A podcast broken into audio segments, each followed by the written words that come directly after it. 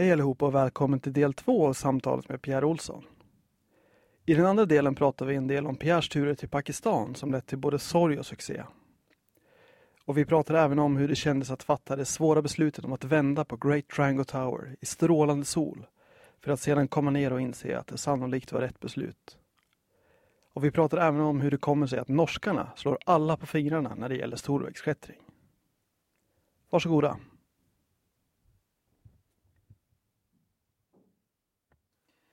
Men vi måste även prata om Pakistan, tänkte jag. Mm. För nu har vi pratat ganska mycket om Yosemite, eh, Romsdalen. För jag antar att du samlar ihop de här eh, erfarenheterna och kunskaperna från Yosemite. För det var ju din dröm som du pratade om att efter att du läst Triumf och tragedi, Yosemite, eller Pakistan, Triangle Tower. För du har varit där flera gånger. Ja. Fyra gånger har jag ju varit på väg dit då. Eller ja, jag har kommit iväg tre gånger. Jag berättade lite för dig tidigare då. Jag har ju fyra resor dit planerade. Eller ja, som, som eh, nästan genomfördes då. Mm. Varav en där vi fick vända då på grund av de- den här talibanattacken uppe vid basläget då. Just det, där de, Mördade alla klättrarna. just det. Mm. Så, så, så där, eh, den blev ju inställd den turen då.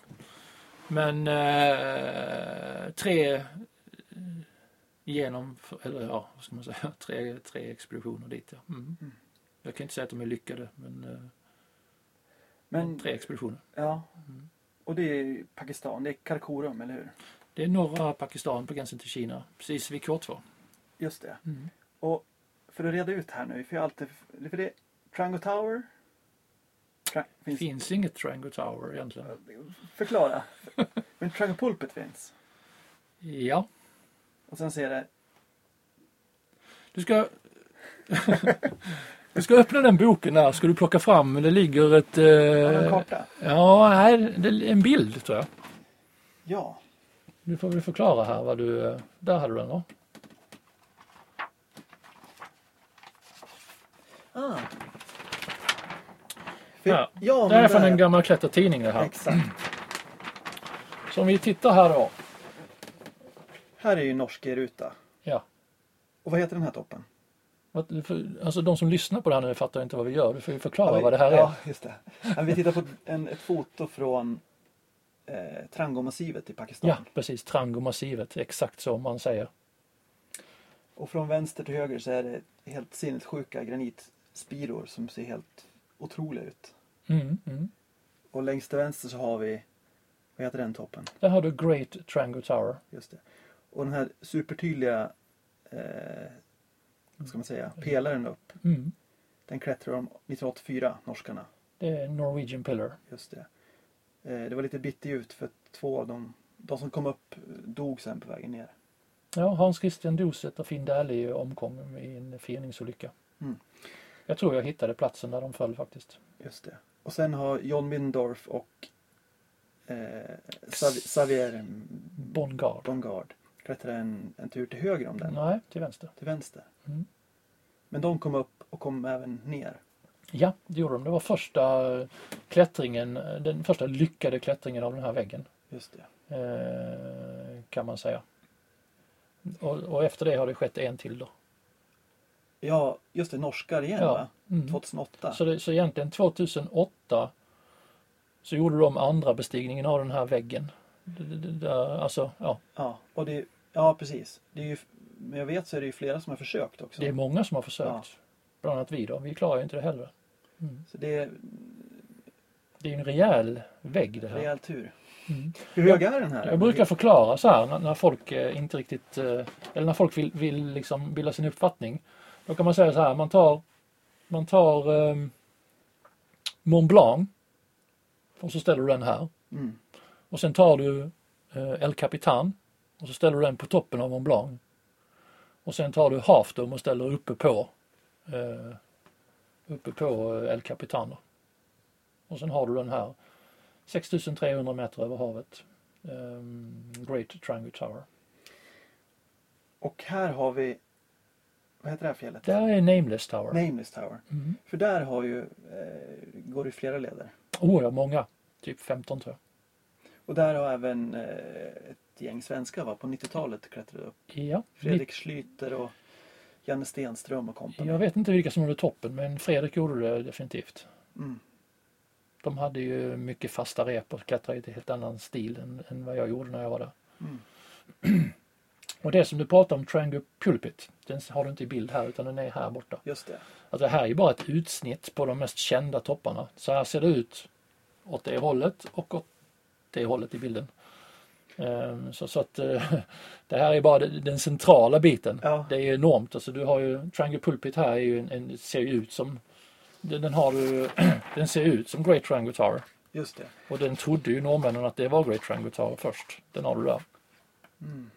Det är inte Great Triangle det. Och där var norskarna, andra norskar 99 va? Ja, stämmer. Robert Kaspersen och kompani. Precis. De gjorde en tur rätt upp här.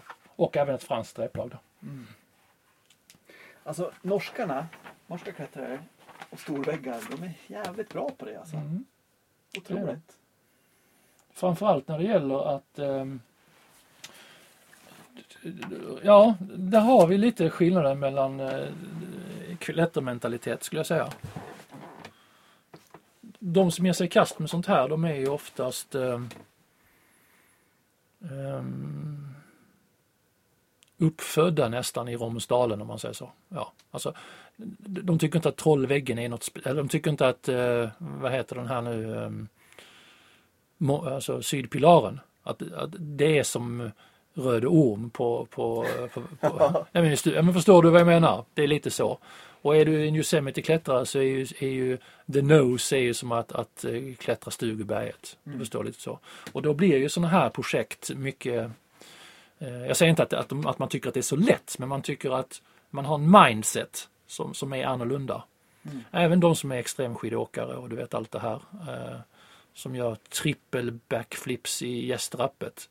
De tycker inte att det är svårt att åka ner för någon, någon liten backe någonstans. Alltså, det, det beror på vilka perspektiv man har. Mm. Mm. Men när var du till Pakistan första gången? Det var 2005. Kan du berätta lite om den turen? Ja, det var ju vid det skedet så eh, vid det skedet så eh, hade jag ju en amerikansk flickvän som hette Erica Kutcher Mm. som jag hade träffat i Yosemite. Vi hade klättrat ihop väldigt mycket där. Vi fungerade extremt bra som replag och vi gjorde mycket, vi pushade gränserna väldigt mycket. Eh, just i speedklättring. Vi, vi, vi, vi, man kan säga att vi eh, kompletterar varandra väldigt, väldigt bra i Mm. speedklättring. Och vi gjorde ju ja, half dome bland annat då på 6 timmar, lite drygt, 6 timmar och 15. Eh, vi försökte oss på att göra link-upen där du klättrar El Capitan och half dome på ett dygn då under 24 timmar. Vilket vi inte lyckades med riktigt då. Vi, vi missade med några timmar. Men vi klättrade, du vet, Zodiac på 11 timmar, nej 12 timmar, jag är lite osäker på tiderna, jag måste kolla upp det. Men du vet, snabba, snabba Ja. klättringar. Eh, ja, eh, triple direct på eh, 14 timmar tror jag och så vidare. och så vidare. Det är precis, det är nästan hela nosen fast lite variationer. Eh, och, och på en av de turerna, vi gjorde också mycket push-klättringar där man bara ger sig på, där man går fram och så klättrar, vi vet att vi kommer inte kunna klättra den snabbt men vi klättrar den i ett svep. Mm. Alltså i Yosemite, vi, vi skulle ha ett helt program om bara olika stilar i Yosemite. Ja. Där du har speed och push och så vidare då. Men en push, då går du liksom bara fram och sen så övernattar du inte. Utan du bara pushar tills du kommer till toppen. Om det tar tre dagar eller åtta dagar eller vad det tar så pushar du den. Mm. Mm. Och eh, som ett ultramaraton. Liksom. Nordenskiöldloppet, det är lite samma sak. Och, så vi var väldigt duktiga på det och eh, på en av de turerna, Realm, Realm of the Flying Monkeys, en A3-led på El Capitan som vi gjorde tillsammans. Så eh, satt vi där en natt, vi hängde i våra, så jag har haft många nätter hängande i selen bara. För ibland kan du inte klättra när det är mörkt för att du ser inte. Pannlampan lyser bara si och så långt så du ser inte riktigt var du ska. Vi hade problem med route finding där. Så vi var tvungna att sitta några timmar på natten bara i selarna då, och hade liksom inget speciellt för oss. Och då började jag prata om Pakistan. Eh, det här var 2003 tror jag. Och eh, sa att det, det är något för oss. För jag hade, ju, jag hade under några år där börjat leta efter potentiella partners för, eh, för sådana här för Great Triangle. Men hade inte riktigt hittat det, det, riktiga. Men med Erica så hittade jag det. För vi gick i varandra som, eh, som handen i handsken. Vi, vi, eh, vi, vi kompletterar varandra väldigt mycket och jag älskar henne otroligt mycket. Så jag kände det, ska jag, jag hade ju läst i boken här att de här stackarna, norskarna som gjorde Great Triangle, mm. de eh, hade sådana problem. De hade ju flickvännerna med sig till eh, Pakistan och sådär. Så du vet, det här att, att separera från någon och ge sig upp på någonting som du riskerar. Alltså det, det är ju som den klassiska att första världskriget, du drar till frontlinjen, du hoppar på tåget, flickvännerna står och, och vinkar och gör och du vet att du inte kommer tillbaka. Mm. Och, och, och, den är jättesvår. Och, och, den vet jag att de hade väldigt svårt för i, i norrmännen då, i Pakistan såklart. Och jag kände, har jag min flickvän med mig, jag vill leva på en vägg, jag vill vara på en vägg och jag har den jag älskar med mig. Hur svårt kan det vara då? Inte svårt alls. Så därför kunde jag spendera så otroligt mycket tid på väggarna och hon kände likadant. Så eh, där och då tror jag vi bestämde oss för att vi skulle åka dit. Men vi kände inte att Great Triangle var eh, det för oss utan vi bestämde oss för att göra ett fjäll som heter Shipton Spire som var ganska nyupptäckt då. Det hade ju varit fyra svenskar där tidigare. Ja, 99 var det. Ja, och klättrat den. Och Ludvig tror jag han hette den ena. Han ja. hade jag kontakt med då. Han var som lite stöd för mig där jag liksom mejlade honom fram och tillbaka och frågade om, om tips och råd. Mm. Eh, och eh, Eh, jag är ledsen att jag inte liksom kan alla namn och så. Jag kan det här i vanliga fall men det har runnit så mycket vatten under broarna. Även sen det här. Det här är ju, vad är det här, 12 år sedan? Mm, 13 år sedan. Eh, vad är det för år i år? Nu? 2019? Ja, 14 år sedan blir det i sommar. Ja, ja. Och eh, eh, ja, vad var det jag skulle säga? Jo, så, så, så, vi beslutade oss för att göra det. För det hade jag hört då, hade de, det var det ganska nytt att de hade gjort den och fjället var nytt och så vidare. Och jag kände det, men det där verkar bra.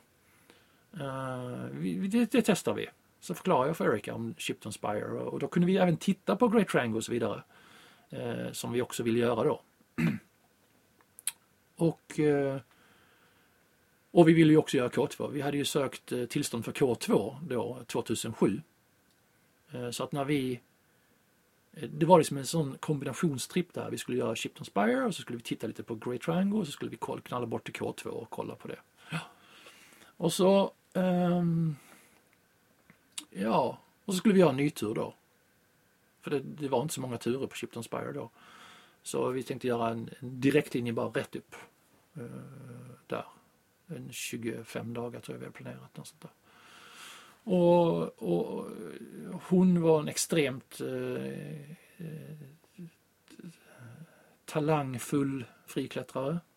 Kunde pusha väldigt hård tradd långt ut, runout. Också fri soloklättrare då. Um, och, uh, och jag var bra på lite hårdare aid. Och jag visste att jag kommer inte ha några problem att trycka ut A4 replängder på rad där uppe. Vi, vi tänkte också leta efter en linje som skulle vara så svår liksom Alltså en eh, sjua friklättring och A4 fritt och det var ju våran tankegång med det här. Mm. Och uh, men, Ja, och vi, vi åkte dit och vi kom oss fram dit och så vidare. Mm. Och sen eh, hände något oförutsägbart? Eller? Ja, inte oförutsägbart egentligen då. Mm. Men eh, det, det, det oerhörda inträffade ju då. Mm. För att vad jag minns när jag såg din eh, bildvisning från här, den turen. Jaha, du har sett det ja. Ja, jag tror mm. det i alla fall. Men vad var det som hände? Att hon var ute på en promenad? Det var så att vi var uppe på, eh, det här var ju en, en, en god stund in i expeditionen då. Där vi hade börjat etablera oss på berget och jag ska inte bli långrandig här för det här är en två timmars historia. Vad, vad som hände egentligen då. Men eh, vi, vi fixerade rep och jag hade ju förberett allting på fjället då och fått i ordning de första replängderna. Och vi var redo för att flytta upp på berget, alltså för vår första portalage och så börja, börja klättra. Och innan det så, och i den vevan då, när vi gjorde de sista förberedelserna så slog vädret om. Mm. Och det blev ju väldigt fint väder. I Pakistan eller i Trang-området så får du inte klättra när det är fint väder överhuvudtaget. Det låter konstigt men så är det. Du, sämsta möjliga väder är bästa klätterväder. Varför då? Nej, för det rasar så mycket så fort solen kommer fram. Ja, okej. Så det blev ju sol och molnfri himmel då. Och vi var på där vi var och det var inget bra ställe att vara på så det rasade ju något fruktansvärt. Men vi lyckades ta oss ner. Eh, vi var ganska mörbultade. Jag blev träffad ganska hårt eh, på axlar och armar. Det var som att bli överkörd av ett tåg kan man säga. Det var som en svart skugga över oss i två minuter. Så stora ras var det. Och eh, vi klarade oss precis kan man säga. Och hela vårt framskjutna basläger som var vid foten av klippan var ju helt utraderat. Det var ju bara någon tältpinna som stack upp här och där och någon vattenflaska där och någon Camelot här och där och sådär. Så vi kände att vi måste tillbaka till baslägret. Vi hade ett basläger lite längre bort då. Och eh, omgruppera och låta det här rasa färdigt. Mm. Så vi tog oss dit och sen hade vi en vilodag och så nästa dag så bara tvättade vi kläder och solade och gjorde oss redo för allting då. Och det hade liksom slutat rasa sådär akut kan man säga andra dygnet då. Och Erika sa egentligen bara åt mig att hon skulle gå en liten sväng och ta lite bilder och, och fotografera. Och hon hade varit borta en timme kanske. Alltså det här basläget ligger alltså det är inget basläge på en grön äng någonstans utan det här är ju i Himalaya på 4000 meters höjd. Så det är ganska stora väggar runt omkring där. Och våra närmsta granne är ju 7000 meters topp då. Så att, eh, och den är ju bara 100 meter bort. Så att eh, hon gick en sväng och jag stod i baslägret, eller jag låg och sov lite grann tror jag. Sen hörde jag hur allting skakar, du vet som ett, som ett riktigt eh, sånt stort godståg kommer uh, körande. Man vet inte riktigt var det kommer ifrån. Och, och, det tog aldrig slut, för rasen tar aldrig slut i det där landet. Alltså det, de pågår länge, det är timvis varje ras. Så jag gick ut och så stod jag och tittade och så såg jag hur det började röra sig långt uppe på fjället så. Och då kom det som en, en lavaström, om du förstår vad jag menar. Det var ingen, ingen lavin utan det var en lavaström av snö, is, stenar, eh, bråte, du vet så. Och rörde sig ganska långsamt ner för fjället tycker jag. Eh, så jag stod egentligen bara och kollade, undrar om Erika ser det här. Alltså helt fantastiskt. Vilken grej. Och den började komma så nära. Till slut så rann den ju ut, du vet i dalen och började komma nära. Så vi fick lämna baslägret för att eh det var jag och så var det två pakistanska eh, kockar då. En kock och en hjälpreda som vi hade i lägret. Så vi var tvungna att flytta på oss lite grann för att jag var rädd för att det skulle krossa lägret. Mm. Men det gjorde det inte, det stannade några hundra meter ifrån. Då. Ganska långsamt så här, som en lavaström du vet. Och så undrar jag, så, jag undrar om Erika såg det där. Mm. Och sen gick det väl någon, någon timme eller två så här och så började jag fundera, undrar var hon är någonstans. Eh, vi hade ju våra vägar ute överallt så här. Så jag tänkte jag ska gå och kolla och se om jag ser henne någonstans. För jag tänkte att hon har säkert gått iväg på någon glaciären längre bort. Och sen eh, efter några timmar så förstod jag att det här inte var så bra. Men jag, jag kopplade inte ihop raset med henne överhuvudtaget. Utan eh, sen framåt kvällstiden så förstod jag att något hade hänt. Och det fanns ju ett, ett oändligt antal scenarier vad som kunde hända. Eh, och det jag hoppades på det var ju, för att vi hade lagt märke till det flera gånger, att när vi gick på glaciären, det tog oss sju dagar att korsa den här glaciären för att komma till insteget. Så att, och överallt är det sådana jättestora stenblock och även mindre stenblock på 300-400 kilo sånt här som, som bara står och vickar så här för att snön smälter runt omkring. Och flera gånger hade vi gått på dem och de hade tippat och du vet så här stora block som man knappt trodde som är som ett hus som bara helt plötsligt rör på sig för man petar på dem. Som dagen innan är helt stabila. Och att, mm, jag trodde ju att det hade hänt. Att hon hade klämts fast. Så, så jag gick ju runt och, och letade efter henne på de mest kända ställena vi hade gått på. Att hon skulle sitta fastklämd. Eh, och även ropade och försökte lyssna. Då. Och var ute hela natten då och letade. Och, och sen, eh, ja, kanske jag trodde att hon hade ramlat ner i en glaciärspricka. Det var ju massor med glaciärbrunnar, det rann vatten så här. Det var ju värsta rutschkanan. Vi hoppade ju över många sådana här som bara var en meter breda eller 40 centimeter breda. som rann jättefort. Och vi sa det, alltså halkar man här och sätter sig i den, då är det godnatt. För de försvinner bara ner i sådana 80 meters brunnar rätt ner i glaciären. Liksom. Det är bara som en toalettstol du spolar liksom, så är du borta. Och, och då började jag tänka, fasen har det hänt så att, eh, jag hade ingen aning om vad som hade hänt egentligen. Men hon var ju borta då. Mm. Och det är en lång, lång historia. Det tog tio dygn innan jag hittade henne. Och då hade hon ju korsats i det här raset. I den lavaströmmen Ja, som kom. precis. Väldigt nära basecamp.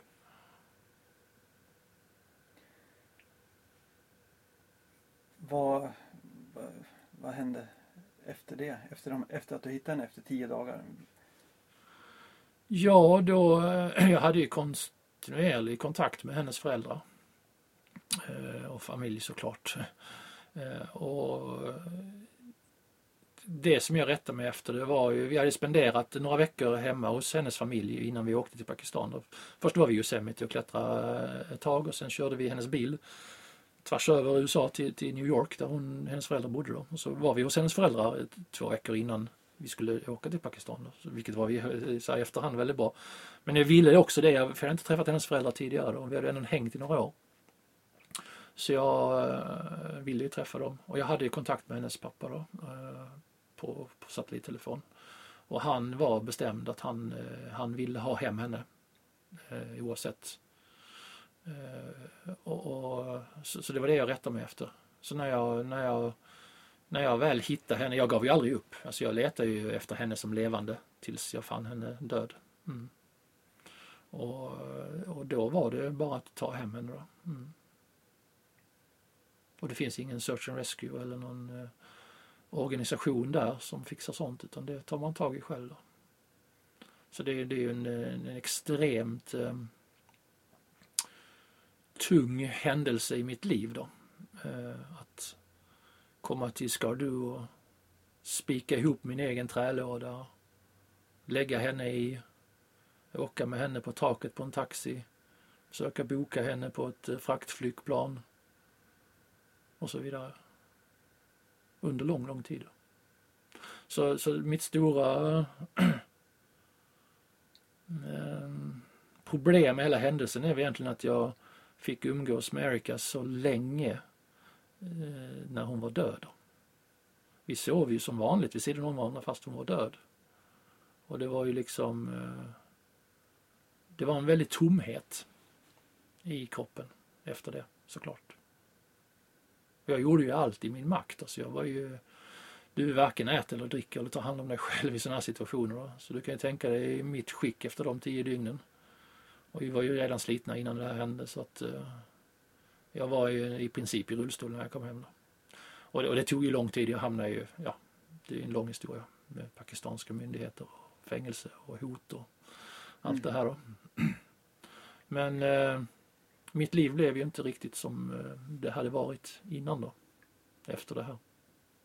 Det blev en väldigt stor skillnad. Men trots hela den, den här historien så har du åkt tillbaks till Pakistan för fler klätterturer. Jag åkte ju tillbaka till Yosemite då kan man säga. Jag var tvungen att ta en liten paus från Yosemite. Eh, ja, ett år. Och sen var jag tillbaka 2007. Och eh, jag trodde att det skulle hjälpa mig men det var fruktansvärt. För varenda sten och varenda kvist i dalen känner jag ju till. Och den är inte så stor och jag har ju varit där så mycket och, och varenda litet minne eller varenda liten stenblock där du kan stanna och vila eller någonting har ju jag och Erika stannat vid och vilat. Så det var ju det, det, var, det var fruktansvärt att vara där den sommaren. Mm. Jag var inte där så länge då men eh, jag fick ändå klättrat med, med, med, med framförallt prata med, med vänner till Erika och till mig som hade undrat såklart. För jag gick ju under jorden kan man säga efter det här. Jag kunde inte kommunicera med någon egentligen. Eh, året efter det hade hänt. och sen eh, ja, framförallt koppla tillbaka till alla människor då som hade undrat vad som hade hänt och jag fick ju förklara. Jag fick ju dra upp den här historien hundratals gånger under den här resan. Men jag fick ändå klättrat eh, East Buttress på El Capitan så det kändes ju nästan som att man var på El Capitan du vet och, och sådär eh, och sådana turer. Så det var ändå en, på sätt och vis eh, okej. och eh, fick också då eh, kontakt med eh, mer eh, kontakt med, med en, en, en, en tjej som heter Kristina då, som jag inte kände tidigare då, men som jag fick kontakt med då. Så, som var ett stort stöd för mig. Och några år senare så blev ju vi ett, ett par också då i Yosemite. Mm. Men tänkte du då någon gång efter det att Erika försvann? Kände du att är det värt det? Klättringen med alla dess risker. Tänker inte så. Klättringen är ett verktyg. Klättringen är inget egen syfte för oss. Alltså det, klättringen är lika naturligt som att vi andas. Det är inte så att för att jag liksom är rädd för att dö så slutar jag andas. Du förstår vad jag menar? Ja. Det går liksom inte. Det ena följer det andra. Men känner du inte att, att det finns ju ändå olika typer av klättring och vissa är mer riskabla än andra? Mm. Till exempel väldigt hård aid-klättring eller vad det nu kan vara. Kände du att, att så här, fjällklättring, alpinism, är det, är det för farligt? Nej, nej, nej. Alltså, det, alltså, nej, nej. Det har jag aldrig tänkt. Det, det hör liksom till. Det, det är, alltså, verktyget fungerar inte om det inte är väldigt vasst.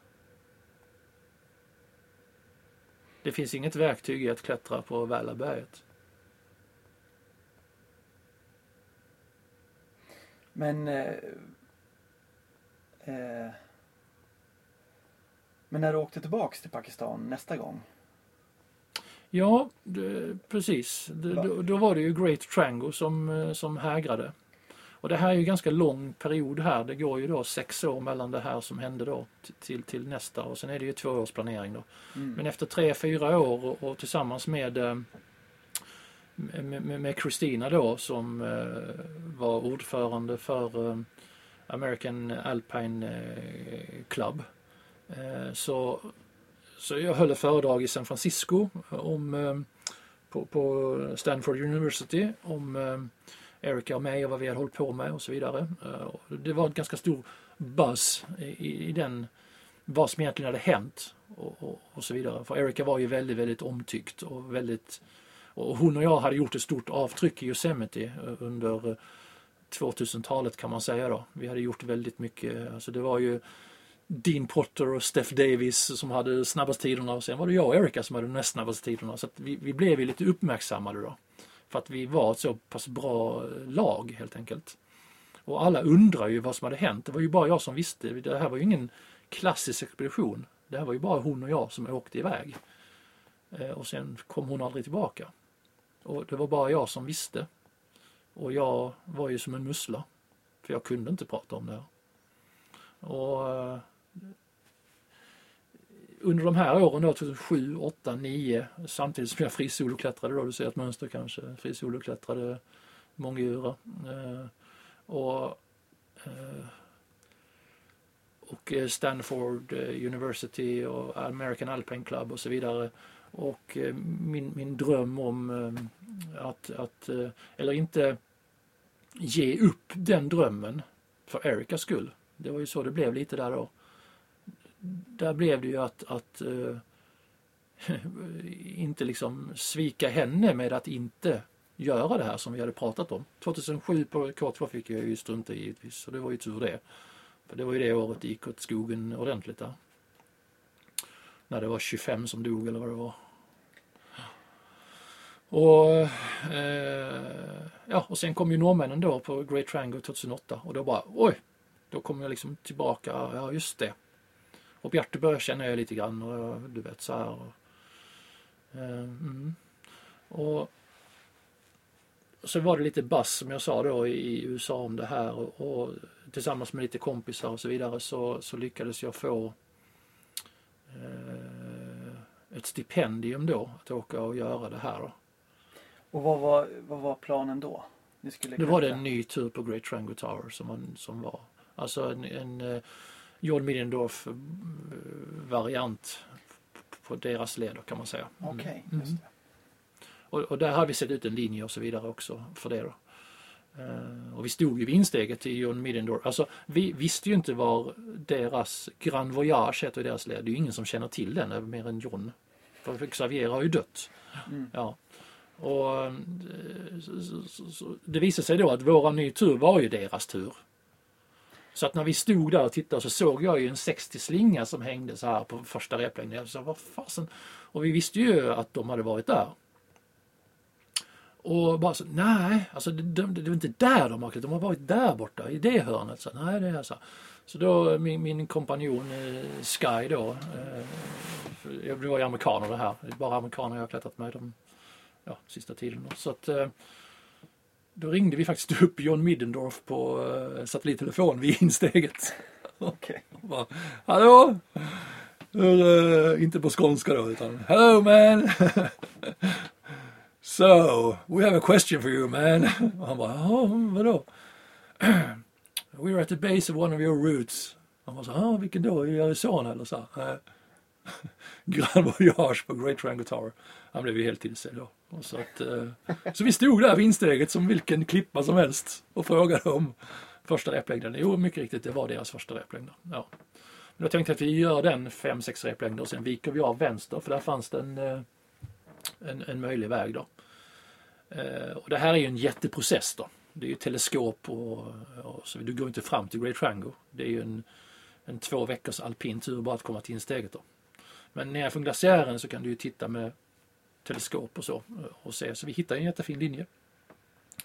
Och när man tittar då på sådana här berg så måste man ju se vad som händer då med, med isbildning och stenslag och du vet vilka klockslag och så vidare. Och då såg vi att den här uh, turen som vi vill göra då, att den, den gick igenom ett parti av väggen som uh, uh, var fullt med jättestora istappar. Då, som släppte då regelbundet. Och vi kände att, som torpeder. Och, och de var stora. Så att det gick inte. Vi kände att nej, det här funkar inte riktigt. Eftersom vi inte kan göra det som vi tänkte och nu blir det konstigt här. Tiden rinner iväg och så vidare. Nu, nu, gör, vi, nu gör vi en riktig bra repetition av Norwegian Pillar istället. Vi var ju bara tre stycken då. Alltså jag är lite upptagen med stil och så i fjället också. Fyra personer var ju första bestigarna. Och norrmännen nu var ju fyra personer. Det är alltså två arbetslag kan man säga. Mm. Då så, när ett lag jobbar så ligger du och sover i Portaledgen. Och det ville vi inte riktigt ha. Alltså stilen var att, att göra en nytur i, i väldigt bra stil. Den bästa stilen är ju som eh, John Middendorf och Xavier Bongard gjorde. Men vi ansåg att riskerna var lite för stora för eh, våran del med den tanken på den linjen vi tänkte ta. Så vi ville ha tre man om det skulle ske en olycka. Då. Eh, för eh, Bongard och de, de gick ju in på Norwegian Pillar halvvägs upp då. Men vi tänkte göra en helt independent line till vänster. Och då kände vi att nej, det tre man är gott nog liksom. Eh, och sen kände vi då att ja, vi kan göra något väldigt bra. Vi kan speedklättra Norwegian Pillar. ja, inom citationstecken. Ja. Ja, men vi tänkte göra det väldigt bra och vi gick ut med hård ambition och vi hade väldigt bra. Så redan efter eh, sju dagar så var vi eh, mycket högre än vad alla andra lag har varit. Så det gick ju väldigt bra. Hur, hur hög är norskpilaren där? Det vet vi inte riktigt, men eh, 2000 antal meter. Något sånt. Det finns inga förare och ingen... Det, jag vet inte ens hur många replängder vi har klättrat och så vidare. Men eh, det, den är lång. Den. Eh, Men, men jag har ju studerat boken väldigt noga så, så jag kände ju igen allt vi passerade. Mm. Alla bilderna. Jag, dessutom har jag tagit fotokopior på alla bilderna så vi kunde se var vi var någonstans och så. Eh, Så att, eh, mm. Så vi visste ju då att när vi var på den stora hyllan som är den boken där de hade dag 12, där var vi efter dag 7 då. Så vi, vi låg väldigt långt fram i tidsschemat. Mm. Och vi hade ju förnödenheter för 30 dygn. Vi åkte ut för samma sak så som första bestigarna. Vi hade ju mat och förnödenheter för 30 dygn. Men eh, efter 23 dagar tror jag, då kände vi att då var vi uppe på huvudväggen. Vi kan ju titta på själva den bilden igen då, Mm. om vi har tid. Det har vi. Hur många delar kommer det här sändas i? Vi. Det Så när vi var här uppe då, Ja. då eh, här går ju då i det hörnet går ju eh, Xavier Bongard och, och Jord Middendorfs leder. Och sen går den liksom in, man ser inte riktigt här, för det är inte så här det ser ut utan det här är en pelare och här är ett dieder. Så här inne kommer man upp i den värsta skräckkaminen. Och, och den här snökammen där, jag ledde den här replängden som en 200 meters replängd. Den är alltså knivvass så här. Och du står liksom på, på ingenting och du har ju 2000 meter ner på varje sida så här. Och då ser man ner i en sån skräckiskamin. Det var där de kom upp då. Jag pratade med John om det senare då. Han, bara nu för något år sedan. Han sa det, ja det där var det värsta de har varit med om. Och det kan jag förstå när jag tittade ner. Men här eh, mottog vi väderprognoser då. Vi hade precis eh, genomgått en 10 dagars storm här på det här partiet. Som försenar oss väldigt mycket. Vi hade ju sju dagar upp hit då.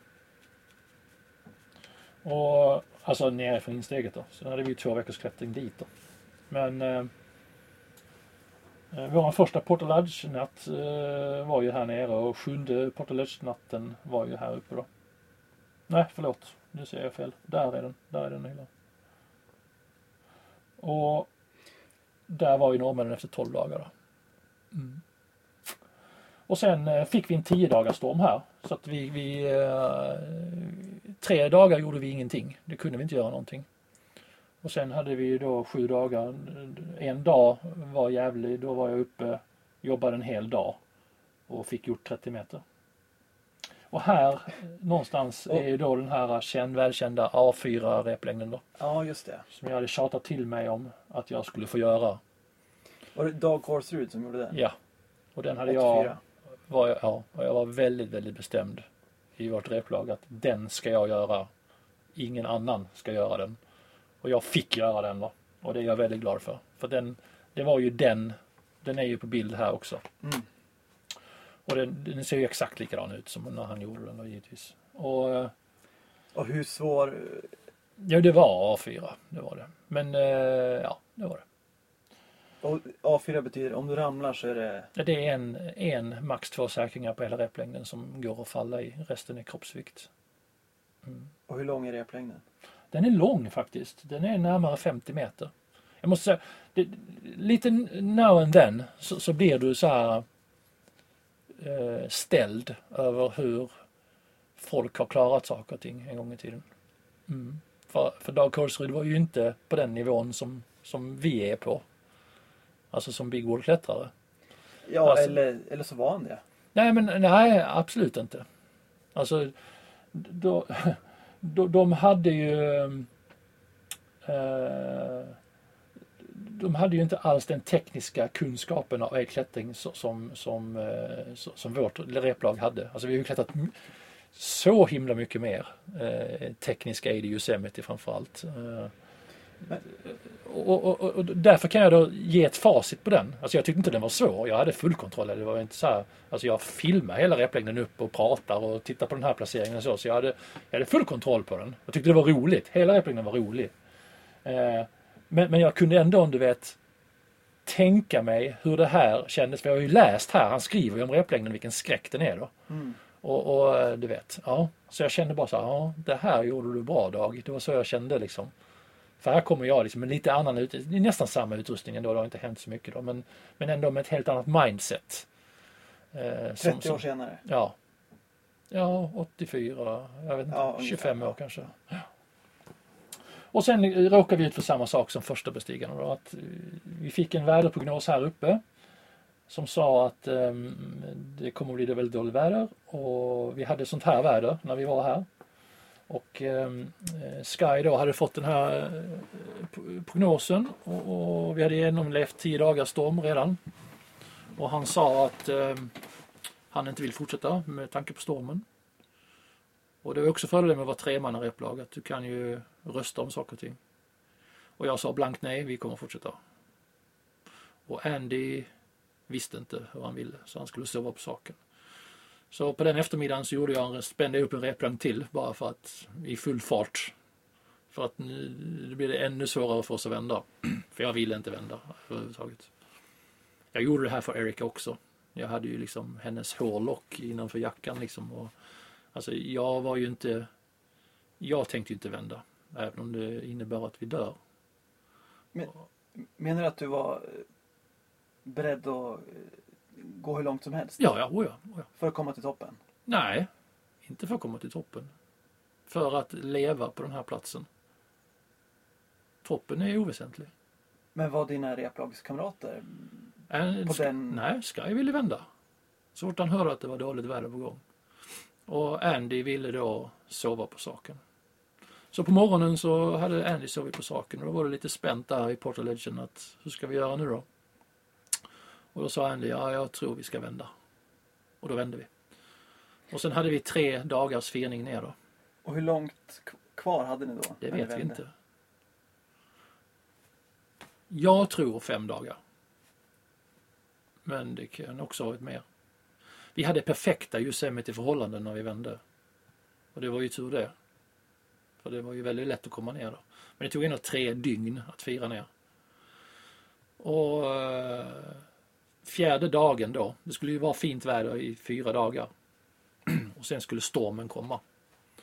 Och tredje dagen när vi hade firat ner, eh, det var ju rena solsemestern att fira ner. Och så när vi var nere på, ja, utanför bild, men det är nog fortfarande 400 meter kvar ner till glaciären, så hade vi en bivack. Och på kvällen där sa, sa jag till, till, till de andra, där, så, nu hoppas jag verkligen att det är storm imorgon bitti, sa jag. För annars hade vi varit, för den kvällen där, då sa jag, nu hade vi varit en eller två dagar under toppen grabbar. För vi hade ju lagt liksom tre, fyra dagar på att komma ner dit. Hade vi lagt tre, fyra, jag trodde det var fem dagar kvar. Då hade vi ju varit precis alltså där uppe. Va? Och den morgonen då när, så gick vi och la oss då. Så den morgonen så gick ju solen upp. Sol, knallblå himmel den dagen stormen skulle komma då. Och då var det ganska bittert ska jag tala om för det. Eh, och sen eh, klockan ett ungefär på den dagen. Alltså så blått som det är på bilderna. Så såg vi bara något svart uppe i, i bergen så här från K2 då. Garsebrum 4 ser vi också därifrån. Så såg vi bara något svart som låg över de topparna på typ 7000 meters höjd. Och sen när vi kom ner och sen vid, eh, vid typ fyra tiden så var det full storm. Från 6000 meter och upp kan man säga. Och där hade vi varit en replängd från toppen i det vädret. Och, det, och den gav sig inte. 14 dagar senare när vi var på väg ut så vände jag mig om så här du vet halvvägs ner. Då ser man ju toppen långt borta så här du vet Namnesrom. Du såg inte dem. Det var bara ett stort svart töcken där uppe som höll i sig i 14 dagar ungefär. Så hade vi fortsatt så hade vi inte överlevt. Och det visste vi när vi gick ut. Och det kändes faktiskt rätt bra att eh, komma därifrån levande. Mm. Så det var rätt beslut. Men det var tungt de dagarna. Att fira ner därifrån, från din drömplats i sol och blå, alltså perfekta förhållanden. Ja. Hur ser du på döden? För att nu när vi har pratat så eh, nämner vi, vi pratar ju lite grann indirekt om döden på många sätt. Nej, det gör vi inte. Vi pratar om livet. Ja, men hur ser du på livet?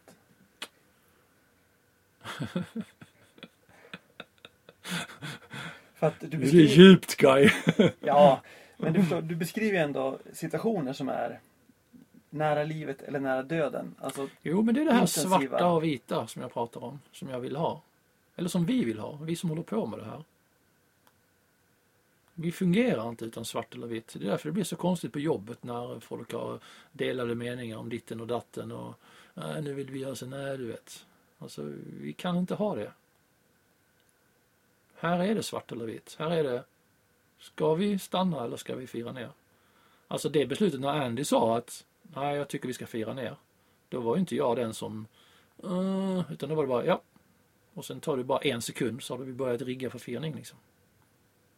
Så att, eh, ja. Döden är tragisk för de som lever efter den. ja. Kristina som jag träffade där, hon eh, omkom ju faktiskt då i en fri soloklättring precis året innan det här skedde. Innan vi eh, drog till Great Triangle. Och det var också en, en, eh, en, en eh, spark i baken för mig kan man säga.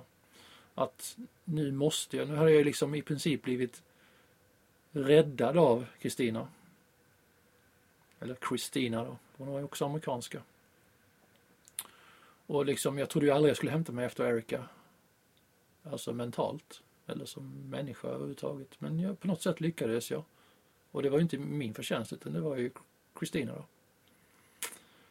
Och i samband med hennes eh, olycka, eh, där hon på en ren fri solotur då eh, föll och, och omkom sommaren 2010. Där och då mer eller mindre bestämde jag mig för att ska det någonsin bli av det här med Great Triangle så är det nu. Och det var liksom sparken och det var i samband med henne och så vidare som vi hade fått det här stipendiet och så. Eh, och jag kände ju egentligen att det enda rätta både för henne och för Erika det är ju att dra till Great Rango på en gång. Innan det händer någonting. Det var så jag kände. Jag, kände, jag har alltid känt att tiden håller på att rinna ut. För det har ju varit många close calls för egen del. Jag är väldigt, väldigt, väldigt, väldigt förvånad att jag sitter här i den här stugan nu. Har du någonsin övervägt att sluta klättra? Nej. Men eh, Kaj, klättringen är ju inte ett egen syfte. Klättringen är ju att andas. Det är ju det där verktyget. Klättringen är ett djupt andetag. Och så tar man nästa. Och tar man bort de andetagen då dör man ju. Lite så. Mm. Och sen kom vi tillbaka som ett extremt väl sammansvetsat lag då. Och vilket år var det? Det här var ju 2011. Just det. Ja. Då firade ni av. Då, kom vi hem igen, Mm. levande. Och, och nästan oskadda. Jag hade ju råkat ut för en rejäl smäll. Jag fick ju en, ett rejält stenslag på armen. Jag kunde inte ens öppnas. Eh, eh, som tur var var det i början på turen då. Så min första riktiga gång jag kunde, jag kunde inte använda hammaren. Första gången jag kunde använda hammaren, det var när jag gjorde A4 replängden. Och det var, eh, det var ju skönt det då. Men jag fick ett rejält stenslag på armen och i bröstet så jag var helt omtöcknad i, i flera dagar. Men lyckades äh, inte bryta någonting som tur var. Men äh, ja, vad skulle jag säga om det? Jo, äh, vi kom ju tillbaka då 2011. Och jag och Andy, det var ju han som, som fick sova på saken då. Kände också att Sky var ju helt att nej, jag kommer aldrig mer att göra det här. Och Andy är ju lite min själsfrände på det viset att ja, visst vi ska göra det här. Eh, och så vi sa vi tar en sommar hemma och jobbar ihop lite. Vi har ju liksom inga sponsorer för sånt här. Det här jobbar vi ju ihop och det är ganska dyra grejer. Ja, vi har sponsorer men det är inte det är inga pengar involverade. Eller ja, det är det väl. Vi hade ju Jag har ett enormt stöd från, från vissa företag där jag får utrustning och allt som jag behöver. Och utan det skulle jag aldrig gå. Mm. Men jag har aldrig fått som du vet, här har du 250 000, gör det här nu. Utan de pengarna måste vi dra ihop själva. Och, så vi kände att ja men vi ska göra det här, jag och Andy gör det här. På två man nästa gång. Så då åker vi dit 2013. Och då, och då var ju allt klart för att åka det och vi, jag stod ju på flygplatsen och då gick de ju upp och massakrerade klättrarna i, i baslägret. Så då blev det ingenting med det. Och det ena ledde till det andra. Eh, så, och det var ju sommaren 2013. Och då eh, sa vi, då, då sticker vi nästa år istället. Och då fick Andy jättestora problem med, eh, eftersom han är amerikan, med att resa in i landet.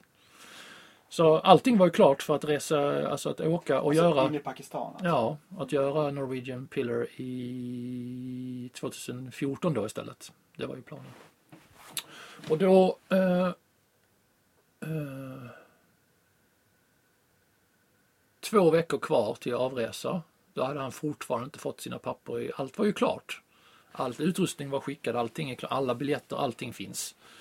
Men han får inte den sista stämpeln i sitt visum. Varför då?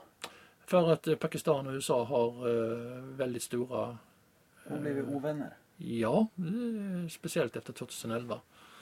Eh, Då de, eh, och det är också en historia i sig.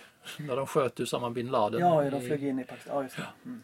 Eh, Två veckor efter det hade skett så stod vi där vid helikoptern som låg utbrunnen vid compounden. Vi har ju som passerat Usama bin Laden säkert flera gånger utan att veta om det. Men Ja. där var vi. Just det. För, Jag Amerika- var utanför Usama bin Ladens hus. Två veckor efter amerikanerna hade varit där. Och, just det, för de flög in i en helikopter som Ja. kraschade va? Ja. Och brann upp. Ja, de, de eldade upp den själva Aha. och sprängde den. Så de utbrända resterna såg jag där genom de här små gardinerna. Vi, vågar ju inte gå ut där givetvis. Vi kan inte gå ut som tre amerikaner och ställa oss på borggården och ta eh, lite fotografier på oss själva där. Så det gick inte. Men eh, i alla fall. Eh, ja, det finns mycket att berätta Kaj. Ja. Men tillbaks, 2014. Ja, och då, då skulle vi göra det. Och, men i den vevan då så blev ju för, för, alltså, relationerna mellan Pakistan och USA väldigt Dåliga. ansträngda. Mm. Och så han fick helt enkelt inte inresa. Och då stod jag ju här hemma och funderade på vad fan. För jag tänker ju inte inte åka. Så då började jag ju leta upp något alternativ för mig själv och då kom jag på det här med, med att med, med Nameless och så. Alltså Nameless har ju vi aldrig brytt oss om. Alltså som, som, som det, kan, det kanske kan låta lite pretentiöst eller så men eh, Nameless Tower är ju som den enklaste. Det är ju som att, ja, men det är ju nosen på El Capitan. Vi tittar ju inte ens på den för att den betyder ingenting för oss. Men den är nog rätt häftig för du ser ju själv på bilderna. Det är ju en ensam pinne som står upp där. Och vi har ju sett den från när jag klättrade på, på när vi var på Shipton så såg man ju den hela tiden och när vi var på eh, jag har ju sett den från alla vinklar och gått runt den och du vet så här och funderat lite på den. Så jag tänkte så här, men det kanske kan vara någonting. Och jag visste ju att eh, svenskar hade varit där och klättrat toppen. Och jag är lite upptagen med stil och så. Jag tänkte, ja men då ska vi, jag kan inte bara åka dit och bara hajka upp på toppen liksom. För då blir det samma sak som de gjorde. och, eh, ja men vad är bättre då? Ja, en solo, en, vi behöver en svensk solobestigning av något stort här. Så då tänkte jag, då gör jag det. För jag hade ju allt klart. Och, och eftersom vi är ju kompletta klättrare. Så jag hade ju inga problem med det. Jag såg inga problem med att soloklättra den. Jag såg det som att ja, men det kan ju bli kul. Det är ju som en bra surrogat. Det blir en lika stor fjäder i hatten för mig personligen att klättra den solo och få den upplevelsen som att hänga på, på Norwegian Pillar med Andy. Kände jag. Jag kände att det var likvärdigt. Mm. Jag, sk- jag ville liksom inte göra det på annat sätt. Jag kände att det var liksom likvärdigt för mig att soloklättra Nameless som att klättra uh, Great Triangle med Andy. Mm. Det var så jag kände helt enkelt. Det var därför det blev så. Eller det blev inte så då, men det, det var så det blev. Det var ja, planen. Ja, det var planen. Jag åkte dit och gjorde allt rätt och bar upp allting och acklimatiserade mig och bar upp allt utrustning och började klättra och, och så. Och min första Portal Edge jag tänkte göra andra bestigningen av ehm, Spanish Route. Eh, en A4-led. Mm. Och ehm, var uppe på eh, första natten där, alltså uppe i min första Portal Edge-natt. Uppe på väggen, så det är ganska högt upp. Jag har redan fixerat rep och så. Och där eh, inträffade ett jättestort stenras på natten då. Trodde jag. Men det, efter ett tag så förstod jag att det var jordbävning då. Ah, okej. Så det var väldigt mycket jordbävningar där i ett par veckor i, den- i den här vevan. Då. Så att eh, Eh, på natten så det rasar ju alltid. Men jag tyckte det var väldigt stort för att vara ett vanligt stenras då. Men jag reagerade inte mer på det. Och sen på morgonen så märkte jag att det rasade lite överallt och så här. Och sen vid ett tillfälle då kände jag liksom hur hela fjället rörde på sig. Och jag, jag fattar ju fortfarande, jag har ju varit med om jordbävningar tidigare i Yosemite. Men då fattar man att det är en jordbävning. För El Capitan rör inte på sig så här. Men Nameless Tower och de här fjällen kan ju röra på sig så. För att de rasar. Eller hur? För det har jag ju varit med på Shipton Spire att liksom hela fjället känns som det ska rasa. För att det rasar, det är inte jordbävning. Och, men då efter ett tag så förstod jag att det är jordbävning. God damn me. Och då förstod jag att nu kan jag inte vara kvar här uppe för att då, eh, det går inte, det kommer att rasa. På mig alltså.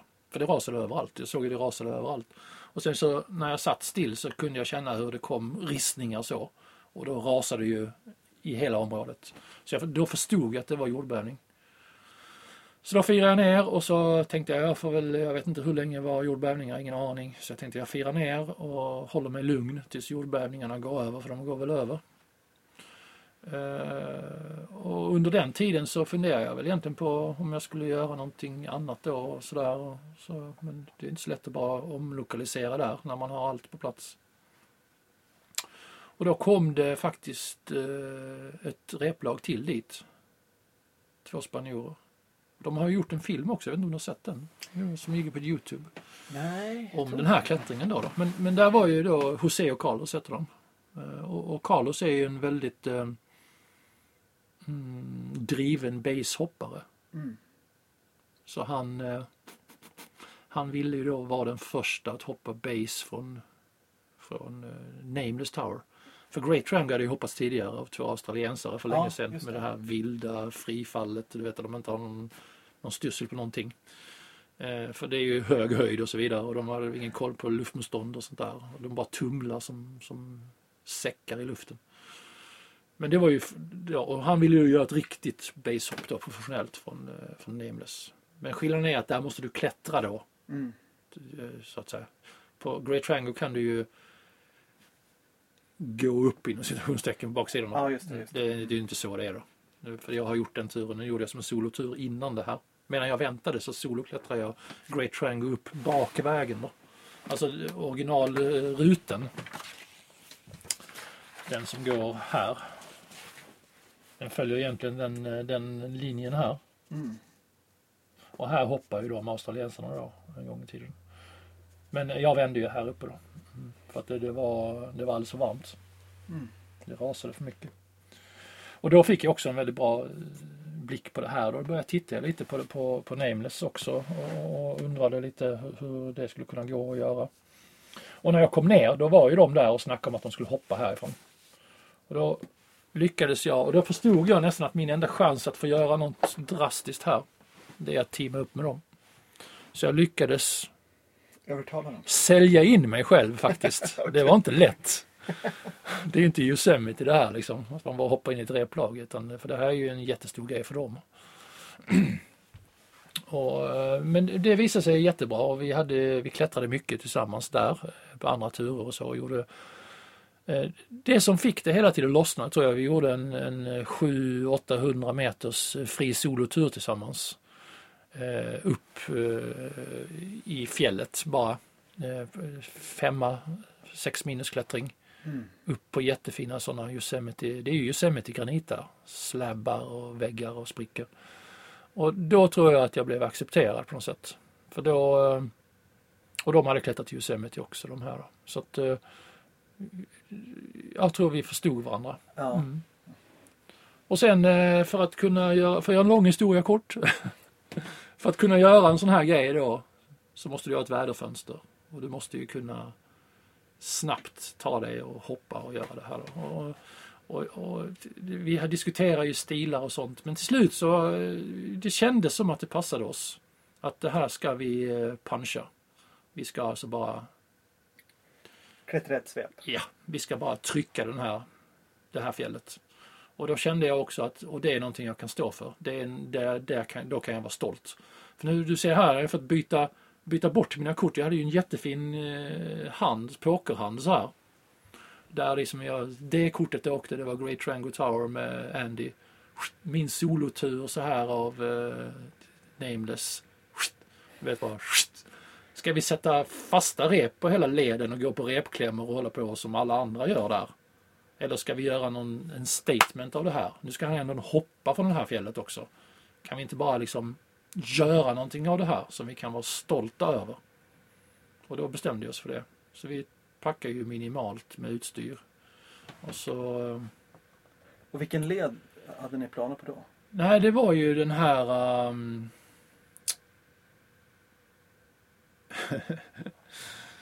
Eh, du ser, jag är inte så jävla bra på det här alltså.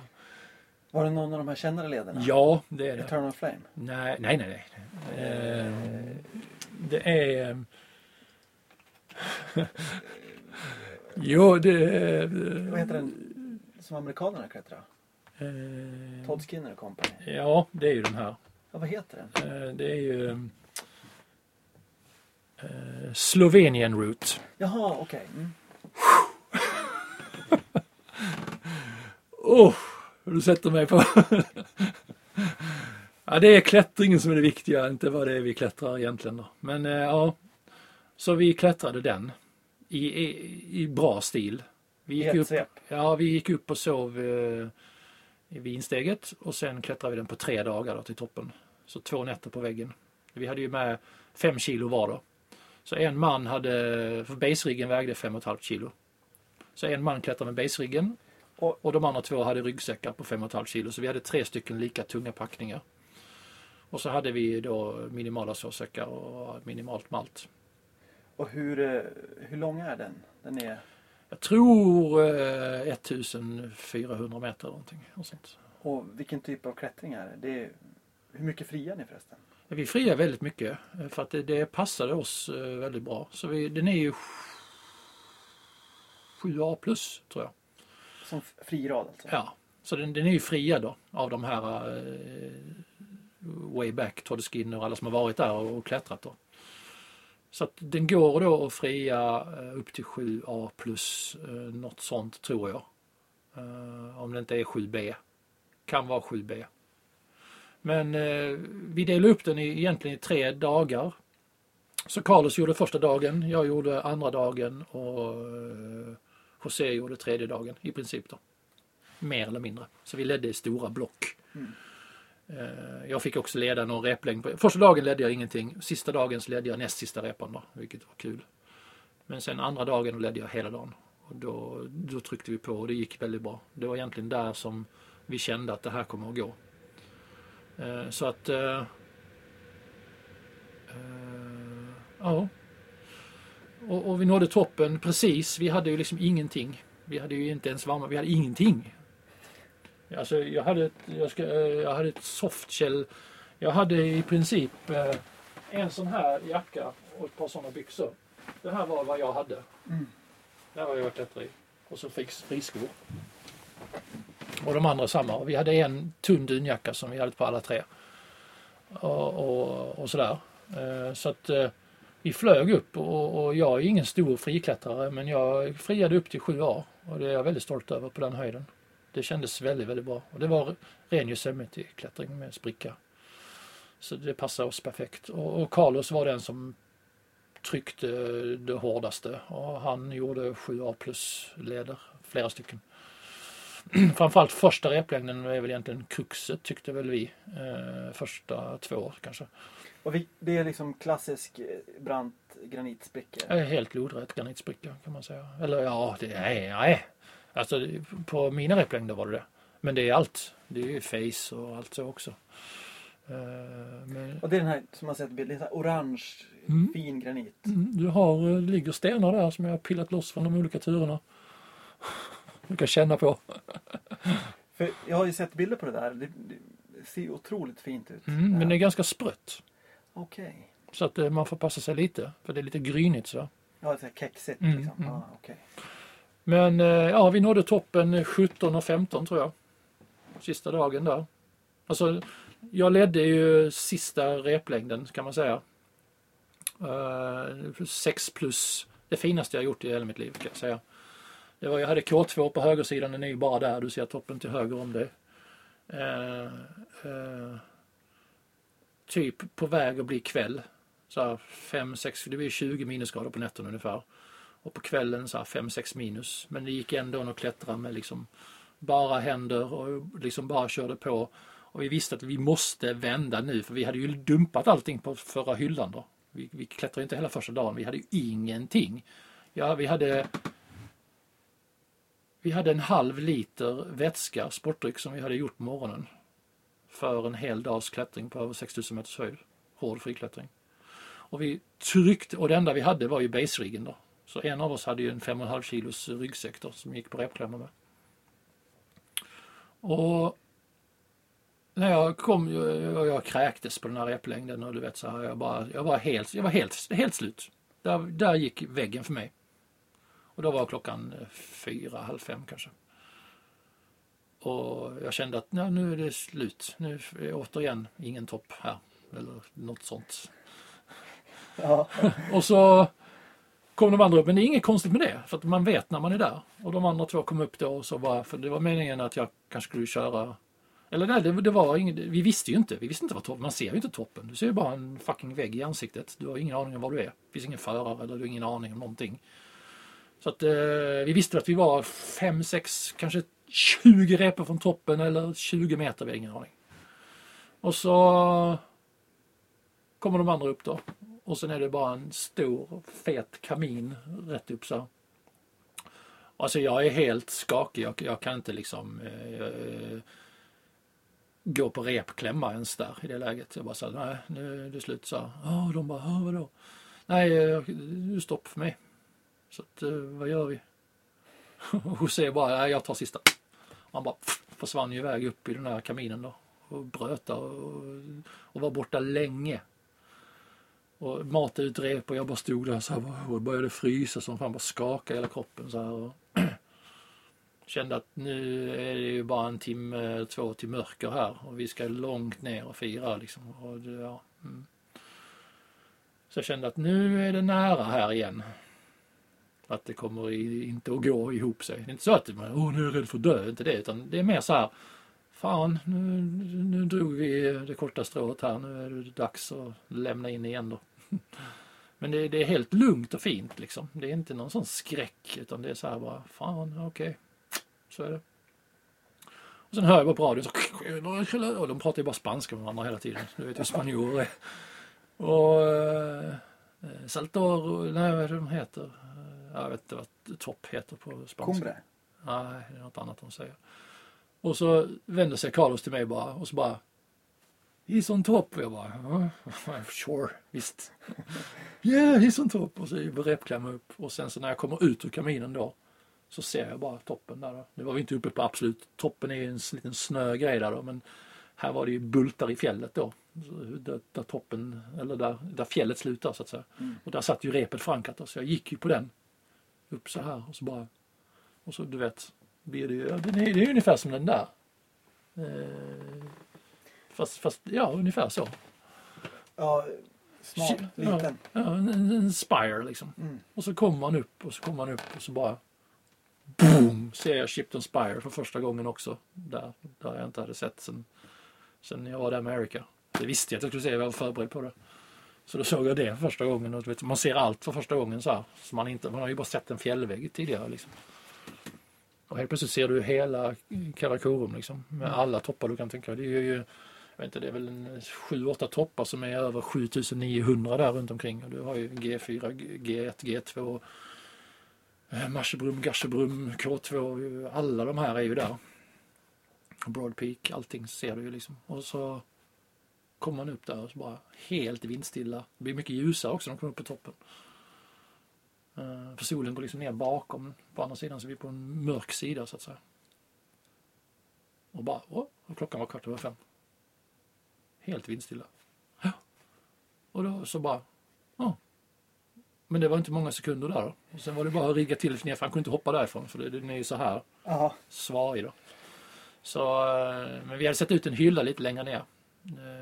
Där han kanske skulle hoppa ifrån. Men, men hur kändes det? Och, du hade gjort ett par försök i Karakorum innan men inte komma upp. Men nu när du... Det var väldigt, väldigt konstigt att stå. Jag har aldrig i mitt liv egentligen stått eh, och, och varit färdig. För Yosemite kommer upp på toppen, inte sant? Men det är inte toppen för dig. Utan då går du ner och så börjar du om igen. Du vet, jag har alltid haft en ny replängd över mig. Alltid i hela mitt liv. Men där fanns det inget mer. Och det var väldigt, väldigt speciellt. Det var väldigt konstigt. Det kommer jag ihåg, jag var helt, eh, man blev ställd. Eller jag blev ställd. Av att stå någonstans och inte, det finns inget mer att göra uppåt. Det var bara himmel. Det var, det var väldigt, väldigt speciellt faktiskt. Det var det. Det var så här, oj, va? Ungefär som att, ja, det är en ledig dag nu helt plötsligt. Hur hög är ett eh, Kango Nameless? Nameless Tower, eh, 6000 står ju på den där tror jag. 6200 6286 meter. Mm. Och då kände vi så här att eh, nu har vi ju bara en liten, liten kort stund på oss att, att eh, fixa det här hoppet också. För det var ju vindstilla så vi kan inte bara säga ah, men nu bivakerar vi så ser imorgon. Då kanske du vet. Ja, Så det var lite stress där. Så vi firar ner och hittar den där då och så ska man ju då släppa, som jag har lärt mig, där man ska ta en sten så här och så ska man hålla den som en armlängds eh, så ut från väggen och så ska man släppa den och så ska man räkna då. Så vill han ha då fem sekunders eh, rock drop då, eh, Carlos. Så vi släppte en sten så här. Och så 1001, 1002, 1000... Nej, inte här. Och släppte en sten där. 1001, 1002, 1000... Nej, så. Och sen... alltså det var för, för kort. Ja, för kort då för att den inte ska slå i någonting. Så vi släppte en massa stenar där och solen höll på att gå ner. Och sen på ett ställe då så bara släppte jag så här 1001, 1002, 1003, 1004, 1005, 1006, 1007, 1000. Här, åtta sekunder här! Och, och då bara kom de dit och så bara, ja, ja jättebra. Här är det då. Då- Då började det liksom mörkna. Och han på med den här baseriggen och vi står där och vi ska ju ner till våra sovsäckar och sånt också liksom. För nu börjar det bli kallt alltså. Alltså när solen går ner blir det ju 20 minus på två minuter. Så det, är- det är ju, det, ja. Eh, Men det är ju ändå fantastiskt att stå där för solen håller ju verkligen på att gå ner. Du vet alla fjällen är ju röda så här. Och han bara, okej see you och så bara hoppar över kant. Och så är han borta. Och det var också väldigt märkligt att vara så nära med någon. Det var ju som att han hade ramlat ner och försvunnit och dött liksom. Så så det kändes. Vad fan, Carlos ramlade över kanten. Men eh, då hörde vi bara så här efter ett tag. Det var ju helt vindstilla. Så du hörde ju det här utslaget då. På kilometersvis håll liksom, mellan de här fjällväggarna. Du hade ju hört det på Norwegian Pillar liksom. Och så ser vi hur han seglar ut så. Mm. Och sen landar han i mörker då. Så vi får ringa på radio ner till basläget och säga att de måste gå ut och tända pannlampor och så för han kommer nu. Så att han landade ju i pannlampssken där nere då, en landningsbana med pannlampor. Och han blev första personen att Ja, hoppa från ja. Nameless.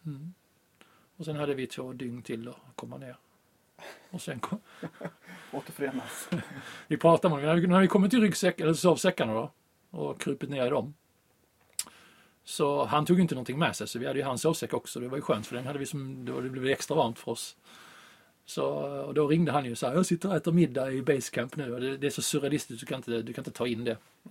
Fast vi sitter och pratar med honom på telefon liksom. Och så sitter han i basecamp och äter middag. Och vi sitter där uppe och han har lämnat oss liksom 20 minuter tidigare. Det är rätt speciellt.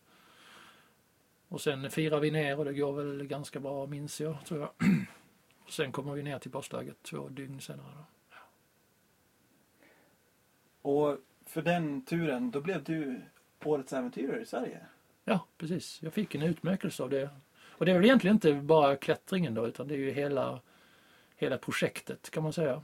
Att eh, åka dit ensam och göra allt det jag gör och styra upp den här och göra den klättringen i den stilen och, och så. Det är ju en prestation jag är ganska stolt över att jag lyckas rodda ihop det här. Mm.